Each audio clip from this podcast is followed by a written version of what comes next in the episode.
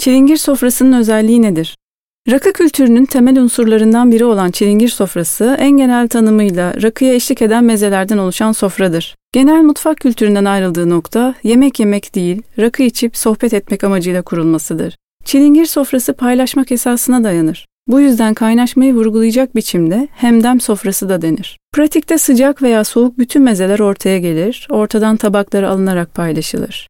Çilingir sofrasında kişiye özel servis yoktur. Antreden tatlıya uzanan bölümlerden oluşan klasik yemek düzeni çilingir sofrası için geçerli değildir. Yaygın bir alışkanlık olsa da ara sıcak veya ana yemek olmaz. Bunların yerine ortadan paylaşılan sıcak mezeler vardır.